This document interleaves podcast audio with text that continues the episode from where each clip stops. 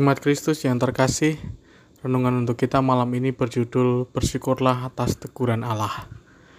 Dan bacaan kita diambil dari Ayub pasal 5 ayat 17 sampai 19. Demikianlah firman Tuhan. Sesungguhnya berbahagialah manusia yang ditegur Allah, sebab itu janganlah engkau menolak didikan yang maha kuasa karena dialah yang melukai, tetapi juga yang membebat. Dia yang memukuli, tetapi yang tangannya menyembuhkan pula. Dari enam macam kesesakan engkau diluputkannya, dan dalam tujuh macam engkau tidak kena malapetaka.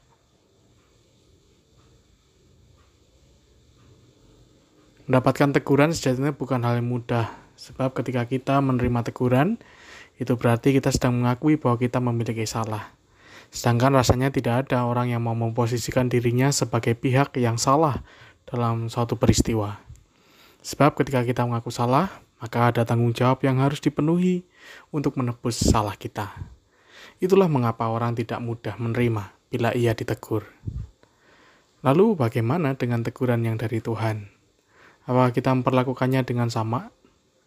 Bisa jadi iya. Kita merasa teguran Tuhan tidak perlu untuk diperhatikan karena justru akan merepotkan hidup kita. Atau malah kita menuduh Allah membuat hidup kita runyam dengan teguran yang datang kepada kita.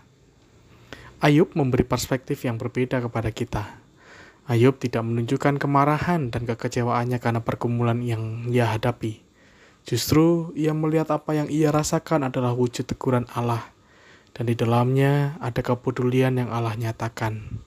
Ayub mengajak orang yang ditegur Allah untuk bersyukur karena dalam teguran Allah ada berkat dan didikan yang membuat hidup kita semakin baik lagi.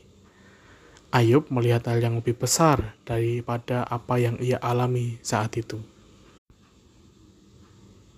Pertanyaannya, siapkah kita memaknai teguran Allah sebagai berkat?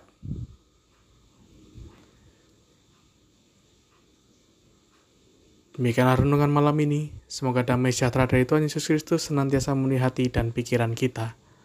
Amin. Jemaat yang terkasih, mari bersatu hati untuk menaikkan pokok-pokok doa yang ada dalam gerakan doa GKI Sarwa Indah. Mari berdoa.